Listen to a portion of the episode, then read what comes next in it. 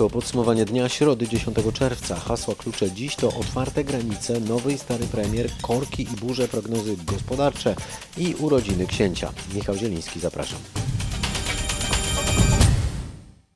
Zaczniemy od bilansu epidemii, bo to już tradycja ostatnich tygodni w podsumowaniu dnia. W środę nowych zakażeń było mniej niż w poprzednich dniach, ponad 280. W sumie liczba stwierdzonych przypadków w Polsce sięga 28 tysięcy. Zmarły w środę 23 osoby, co sprawia, że łączna liczba ofiar COVID-19 w naszym kraju przekroczyła 1200. Od soboty 13 czerwca Polska znosi kontrolę i ograniczenia w przekraczaniu granic wewnętrznych Unii Europejskiej, potwierdził premier Mateusz Morawiecki. Szef rządu podkreślił, że kontakty z krajami Unii są kluczowe dla opartej w dużej mierze na eksporcie gospodarki kraju. Zdecydowana większość tego eksportu trafia właśnie do państw Unii Europejskiej. Od 13 podjęliśmy decyzję o otwarciu granic na państwa Unii Europejskiej tak jak to było wcześniej.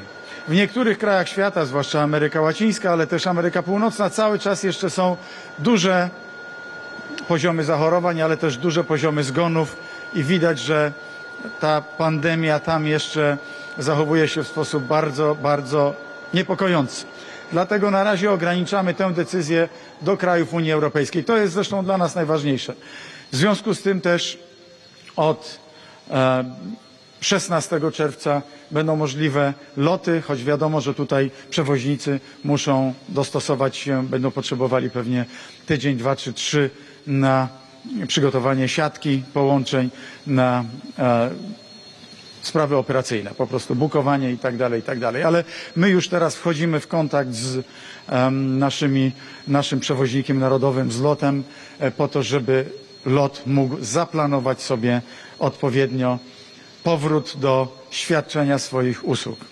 A więc kolejne zmniejszenie rygorów, obostrzeń, otwieramy się dalej. Informacja o otwarciu granic pierwsza potwierdziła dziś w Brukseli korespondentka RMFFM Katarzyna Szymańska-Borginą, która podkreśla, że to nie oznacza możliwości wyjazdu do wszystkich państw Unii, dlatego że niektóre z nich pozostają dla Polaków zamknięte.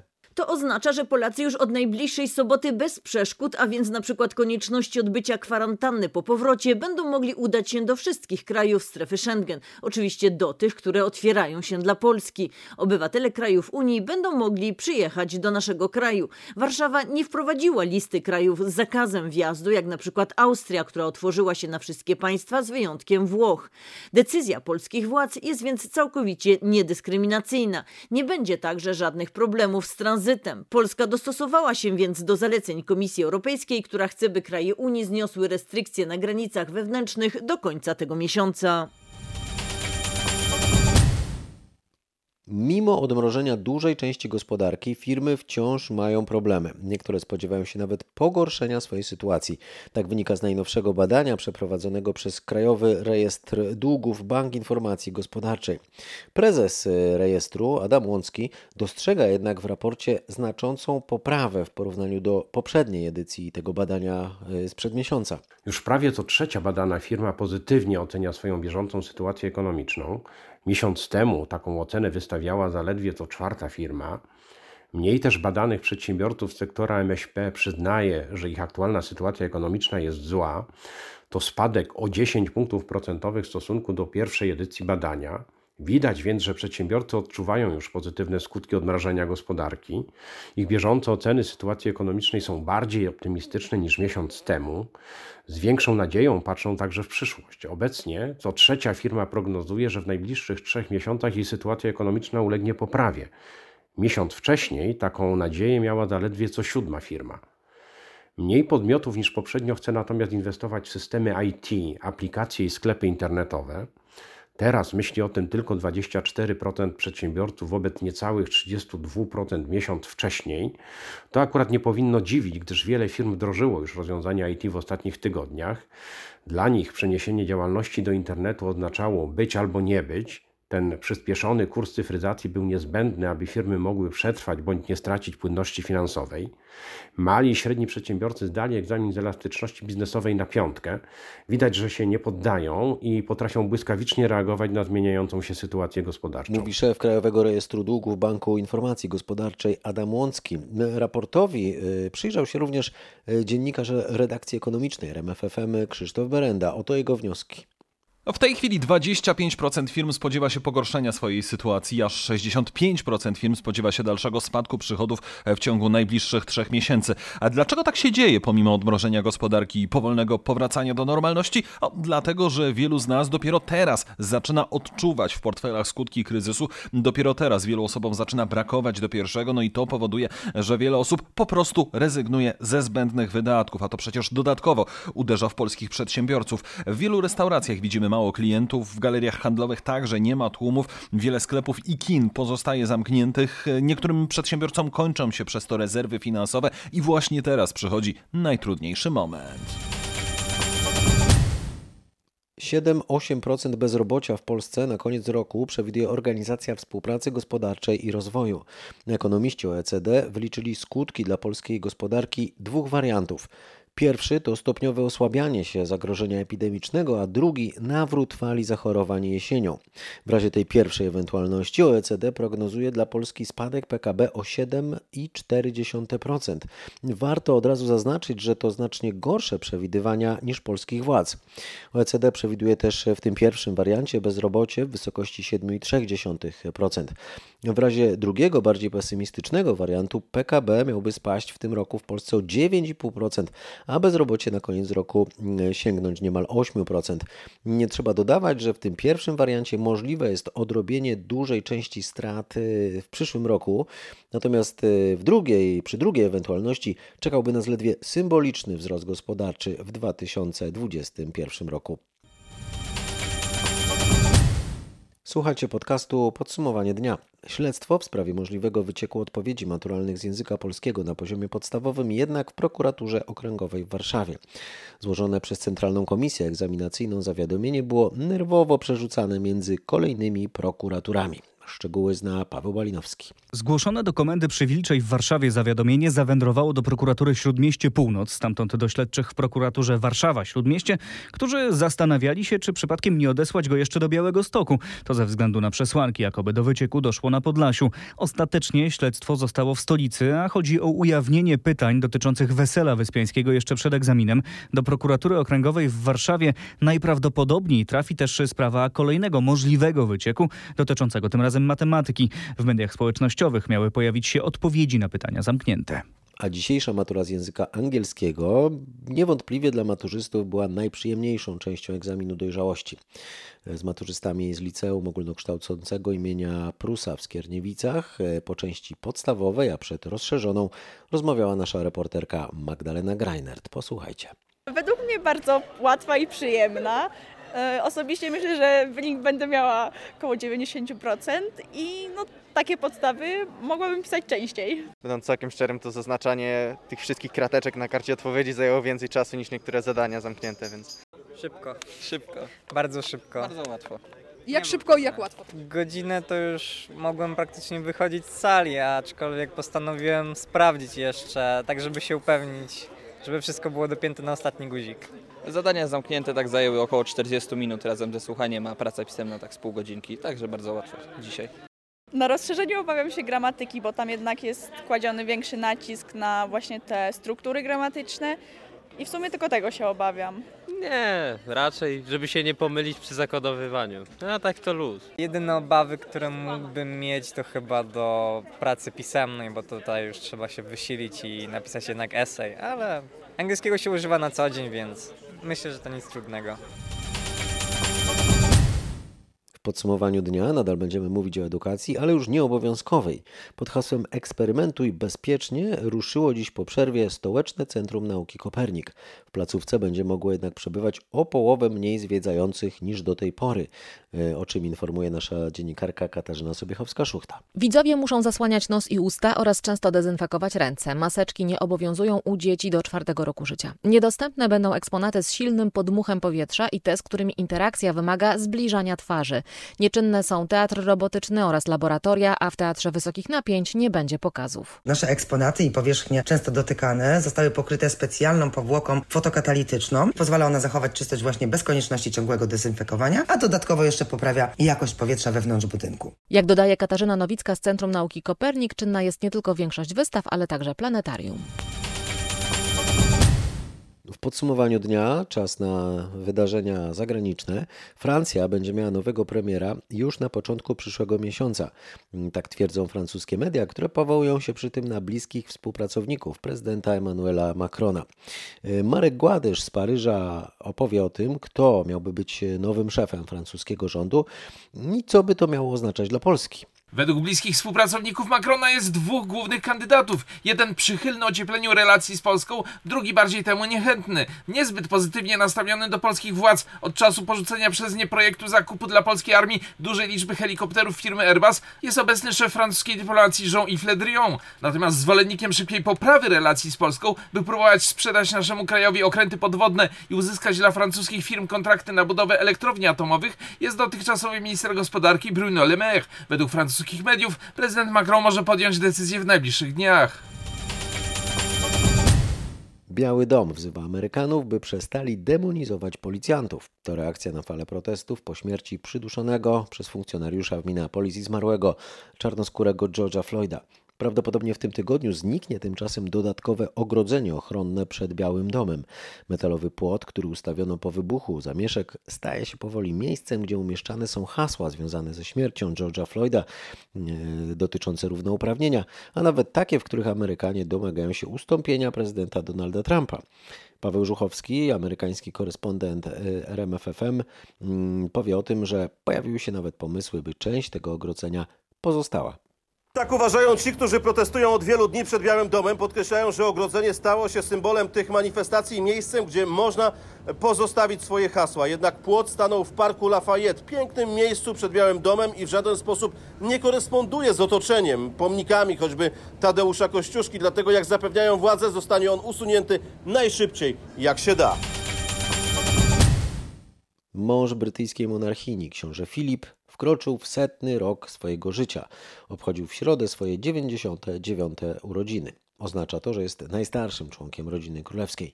Z tej okazji brytyjskie media opublikowały listę osobliwych faktów z życia arystokraty. Tę listę przejrzał e, nasz korespondent w Londynie Bogdan Frymorgan. Ponieważ jego matka była głucha, książę Filip zna język migowy. Urodził się w Grecji i jest pierwszym członkiem rodziny królewskiej, który udzielił w telewizji wywiadu. Mąż królowej znany jest także z poczucia humoru. Według brytyjskich mediów swą żonę Elżbietę II zwykł jest nazywać kapustką lub kiełbaską. Brytyjski arystokrata nie lubi herbaty, co na wyspach jest niezwykle rzadkie. Z pasją za to czyta książki i jest wytrawnym lotnikiem. Od lat nie zasiada za sterami samolotu, ale zaliczył w powietrzu 6 6 tysięcy godzin. W 2011 roku książę przestał także polować, nie tyle z miłości do zwierząt, co w trosce o własne zdrowie. Siła odrzutu strzelby myśliwskiej mogła bowiem naruszyć stenty, jakie ma założone w tętnicach a za nieco ponad trzy tygodnie swoje 74. urodziny będzie obchodził dzisiejszy gość porannej rozmowy w RMFFM. Były premier, jak mówił prowadzący rozmowę Robert Mazurek, legenda lewicy. Nie trudno się domyślić, że tym gościem był Leszek Miller, który mówił m.in. o kampanii prezydenckiej, wspominając przy tym bez entuzjazmu o kandydaturze Szymona Hołowni. Proszę pana, ja przede wszystkim nie mam zaufania do ludzi, który, którzy ubiegają się o najwyższe urzędy, nie mając żadnego doświadczenia i żadnego pojęcia o funkcjonowaniu państwa bo e, startowanie na urząd e, prezydenta Rzeczpospolitej, no to nie jest kolejny telewizyjny show, chociaż oczywiście zgadzam się, że polityka coraz bardziej przypomina przemysł rozrywkowy. E, ale jednak kandydat, który sięga po to stanowisko, no powinien mieć jakąś przeszłość w strukturach państwa, jakieś doświadczenia, jakąś wiedzę. I z tego punktu widzenia oczywiście, czy Kosiniak-Kamysz czy Biedroń, no to są ludzie nieporównywalnie bardziej doświadczeni, wyposażeni w nieporównywalnie większy zasób wiadomości i informacji. Ale ja nie pytałem o samego Hołownię, bo właśnie zdaje się, że to ten atut świeżości, tak jak w przypadku Pawła Kukiza, mu służy. Ja pytam o przyszłość, ewentualną przyszłość jego, jego ruchu społecznego, jego partii, jakkolwiek by się nazywała. To zależy y, wszystko od tego, jaką on e, zajmie pozycję w tych wyborach. Gdyby na przykład wszedł do drugiej tury, co jest raczej, nie, co jest raczej wykluczone, no to oczywiście, że stworzyłby liczący się ruch, y, pewnie wszedłby do parlamentu w najbliższych wyborach, do Sejmu czy, i Senatu i tak dalej. Ale jeżeli to będzie y, pozycja marna, to nic z tego nie będzie. No po prostu po wyborach się wszyscy rozpieszną i wszyscy będą szukać jakichś innych dróg. No, czy to nie jest trochę tak, że y, Szymon Hołownia wybrał może zły czas, no bo właściwie nawet jeśli on wykręci nie najgorszy wynik, no przypuśćmy, że trzeci, tak, to to następne wybory ma w, za, za kilka dobrych lat. To, co on będzie robił przez te lata? Znaczy, nie pytam o to, z czego będzie żył, bo on sobie jakoś pewnie poradzi, tylko politycznie co będzie robił. Zajmie się tym, czym się zajmował no, do tej pory. Jakoś sobie dawał radę w, w przemyśle rozrywkowym, więc będzie pewnie tą karierę kontynuował. To wróćmy do polityki, zostawmy show biznes, chociaż ja wiem, że pana ciągnie do show biznesu oczywiście. w moim wieku. No właśnie ja mam wrażenie, że pan z ja Hołownią, jako widz. że pan z Hołownią, wy, pan, wy się miniecie. On idzie do polityki, a pan do show biznesu. Ja tylko jako widz, no oczywiście nie licząc y, tańca z moją wnuczką, no ale to na wyraźną prośbę mojej wnuczki. Tak, tak, Leszek Miller, proszę państwa, gwiazda estrady, to jeszcze przed nami. Na razie Leszek Miller, euro, europoseł. Y, I pytanie polityczne brzmi, wie pan, y, tak naprawdę jak na pan spojrzy na lewicę, ale pytam serio przez moment, to czy nie było błędem y, stawianie na Biedronia zamiast na przykład na Diana Zandberga? No panie redaktorze, pan znowu z Robertem Biedroniem. Co, niech pan no, zostawi, dobrze, to niech ja pan już powie... wszystko powiedziałem na ten temat, naprawdę. No.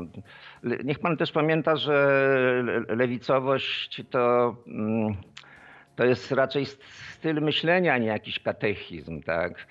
Więc y, mm, stało się, co się stało. Robert Biedroń miał najlepsze notowania. Został desygnowany na kandydata na prezydenta i tyle. No. Zobaczymy, Dobrze, to... jak będzie. Były premier Leszek Miller e, w rozmowie z Robertem Mazurkiem. Całą tę rozmowę można zobaczyć na naszej stronie w internecie rmf24.pl. Polacy ruszyli na długi weekend. Na drogach powstawały korki. Nasza gorąca linia RMFFM 600 700 800 znów się rozdzwoniła. Słuchacze, często zdenerwowani, informowali o sytuacji na trasach.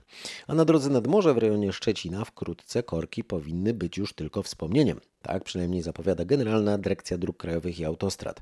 Remonty na ekspresowej trójce dobiegają końca. I jak zapewnia w rozmowie z naszą reporterką Anetą Łuczkowską Mateusz Grzeszczuk ze Szczecińskiego Oddziału Generalnej Dyrekcji, niebawem koszmar kierowców stojących w korkach, by dostać się nad morze, powinien się skończyć. To będzie około połowy czerwca, natomiast na pewno już to będzie po tym najbliższym weekendzie. Jak to będzie wyglądało po zmianach? Chcemy przed wakacjami uruchomić dwie jezdnie na całym odcinku od węzła Szczecin-Dąbie do Goleniowa. Będzie tymczasowo czy już na stałe? To już będzie na stałe. Już nie będzie potem powrotu do tych dużych utrudnień. Oczywiście to nie jest tak, że ta przebudowa się zakończy. Będą realizowane dalej roboty poza jezdniami głównymi, na drogach wspomagających, a teraz w podsumowaniu dnia zajrzymy w góry i sprawdzimy prognozę pogody dla Tatr. To ma być ciepły, ale burzowy weekend w najwyższych polskich górach, mówi szef Zakopiańskiego Instytutu Meteorologii i Gospodarki Wodnej Paweł Parzuchowski. Wreszcie będzie można natomiast pożegnać zimę Tatrach. Po bardzo chłodnym i mokrym maju czerwiec przynosi nam dni znacznie cieplejsze, również wilgotne. Wygląda na to, że zima, która się utrzymywała wyjątkowo długo, definitywnie się tam zakończyła. W najbliższych dniach pogoda nie powinna się zmienić. E, niemal codziennie mają zdarzać się przelotne opady deszczu, miejscami także burze, zwłaszcza wysoko w Tatrach. Te burze mogą być miejscami gwałtowne. Może pojawić się grad, a sumy opadów przekraczać 30-40 mm. Natomiast każdym dniem powinno robić się cieplej. Temperatura na Podhalu powinna wahać się od 20 20 do 25 stopni, natomiast wysoko w Tatrach od 10 do 15. Kto nie wyjeżdża, może iść na przykład na basen. W Katowicach otwarto dziś nowy, w Brynowie. niedaleko Parku Kościuszki. Na zakończenie tej inwestycji mieszkańcy z stolicy Górnego Śląska czekali bardzo długo. To pierwszy z trzech obiecanych przez władze miasta nowych krytych basenów. Yy, Jako pierwsze basen przetestowały dzieci z klubu sportowego Wodnik 29. Bardzo fajnie. Dobrze się pływa i ciepła woda. Bardzo fajnie, nowocześnie, tak ładnie. Będziecie tutaj często przychodzić? Tak. Jeszcze nie miałam okazji w nim pływać, ale patrząc na wykonany obiekt naprawdę jestem w szoku, bo jest kawał dobrej roboty zrobiony i mam nadzieję, że będzie dobrze wykorzystany. Ten basen jest tak, tak jakby zawsze tu miał być. Z powodu pandemii wstęp na basen ma ograniczona liczba osób. Obowiązuje m.in. dezynfekcja rąk i pomiar temperatury. A nowy obiekt w Katowicach odwiedziła nasza reporterka Anna Kropaczek. Inni nasi reporterzy rozmawiali z duchownymi, którzy szukują się do jutrzejszych uroczystości Bożego Ciała i również te jutrzejsze procesje mają się odbywać z zachowaniem środków ostrożności. Maseczki i zachowanie odległości takie są główne wytyczne dotyczące jutrzejszych procesji Bożego Ciała. Zdajemy sobie sprawę, że wiernych może być w tym roku o wiele mniej, mówią naszym reporterom księża z Krakowa i z Lublina. o co prosimy. Szczególnie prosimy o to, żeby wszyscy uczestnicy procesji mieli założone maseczki, tak dokładnie mówiąc, że- żeby był zakryty nos i usta i żeby tego rzeczywiście przestrzegać, o to bardzo apelujemy, prosimy. Dodatkowo prosimy, żeby zachowywać odpowiedni odstęp społeczny, mimo że prze- przepis mówi e, maseczka albo odstęp, my jednak apelujemy, żeby i zachowywać odstęp i mieć maseczkę tak, aby podczas procesji każdy e, czuł się bezpiecznie. Idziemy jak najmniejszą trasą, e, tylko wokół kościoła, tak aby faktycznie ze względu na pandemię, która ciągle u nas panuje, nie było większego zagrożenia. Tutaj może być parę tysięcy ludzi nawet. No jak te odległości, jak to zachować? Ja jako proboszcz będę na początku mszy świętej ogłaszał, rekomendował, żeby zachować odległość dwóch metrów, tę odległość społeczną, a jeżeli nie, to żeby założyć maseczki. Moja rola jest, aby przypominać. Ufam, że tak jak do tej pory nasi parafianie w naszym kościele mają maseczki i nie ma żadnego problemu z tym, podejrzewam, że większość ludzi i tak i tak zostanie w miejscu na placu, dlatego że wszystko mamy w zasięgu wzroku praktycznie, więc będzie i widać i słychać. W podsumowaniu dnia tyle o uroczystościach, które powinny wzmocnić nas duchowo, a teraz jeszcze o wzmocnieniu cielesnym. Zdrowy styl życia zmniejsza ryzyko zachorowania na zdecydowaną większość nowotworów. Taki dość oczywisty i nie nowy wniosek płynie z najnowszego stanowiska lekarzy onkologów. O zdrowych nawykach, które wzmacniają naszą odporność, mówiliśmy w środę przez cały dzień w faktach. Trzeba więcej się ruszać i walczyć z otyłością, ale również po prostu dobrze się odżywiać właściwie. Drugie to jest to, żeby nie palić tytoniu, ponieważ około 20-25% nowotworów generalnie jest zależy od tytoniu. Wszystkich nowotworów? Wszystkich nowotworów, bo to nie tylko rak płuca, bo to jest i rak krtani, większość nowotworów głowy i szyi, rak pęcherza, rak nerki, rak żołądka, można wymieniać. Wszystkie są tytoniozależne i tylko eliminacja palenia tytoniu zmniejsza możliwość zachorowania o 25%. No i ostatnie to jest promieniowanie ultrafioletowe, czyli właściwa ochrona przed nadmiernym opalaniem się. Tutaj możemy zmniejszyć ryzyko zachorowania na czerniaka i inne nowotwory złośliwe skóry. Podkreśla profesor Piotr Rutkowski z Polskiego Towarzystwa Chirurgii Onkologicznej. Rozmawiał z nim nasz reporter Michał Dobrowicz. Oprócz diety, oczywiście dla ciała ważny jest ruch. To już ostatnie chwile na dopisanie się do listy startowej we wrześniowym biegu Poland Business Run. W tym roku jego charakter będzie zupełnie inny niż do tej pory. Nie będzie wspólnego startu ani wspólnej mety. Jeśli chodzi o wybór trasy, organizatorzy pozostawiają biegaczom wolną rękę. Niezmienny pozostaje jedynie cel imprezy, a także dystans do pokonania. Poland Business Run jest imprezą typowo charytatywną, dedykowaną konkretnym beneficjentom. Ze względu oczywiście na nową formułę tej imprezy, związaną z e, obowiązującymi przepisami i, i pandemią koronawirusa, 6 września, czyli w dniu, kiedy bieg normalnie powinien wystartować, ci biegacze, którzy zapisali się na tą wirtualną edycję, będą mogli sami lub w kilku, kilkunastoosobowej grupie pobiec dowolną trasą, pokonując dystans 4 kilometrów. Tłumaczy Aleksander Rosa, przedstawiciel poznańskiej edycji Business Run 2020. Przypominam, że zapisy na ten bieg trwają tylko do północy, do końca środy. To wszystko w dzisiejszym podsumowaniu dnia. Przy okazji e, zachęcam do subskrybowania naszego podcastu. Mówię naszego, mm, bo ten podcast przygotowujemy na zmianę razem z Bogdanem Zalewskim i Tomaszem Weryńskim. życzę miłego weekendu, a kolejne wydanie podsumowania dnia w piątek. Zapraszam już teraz.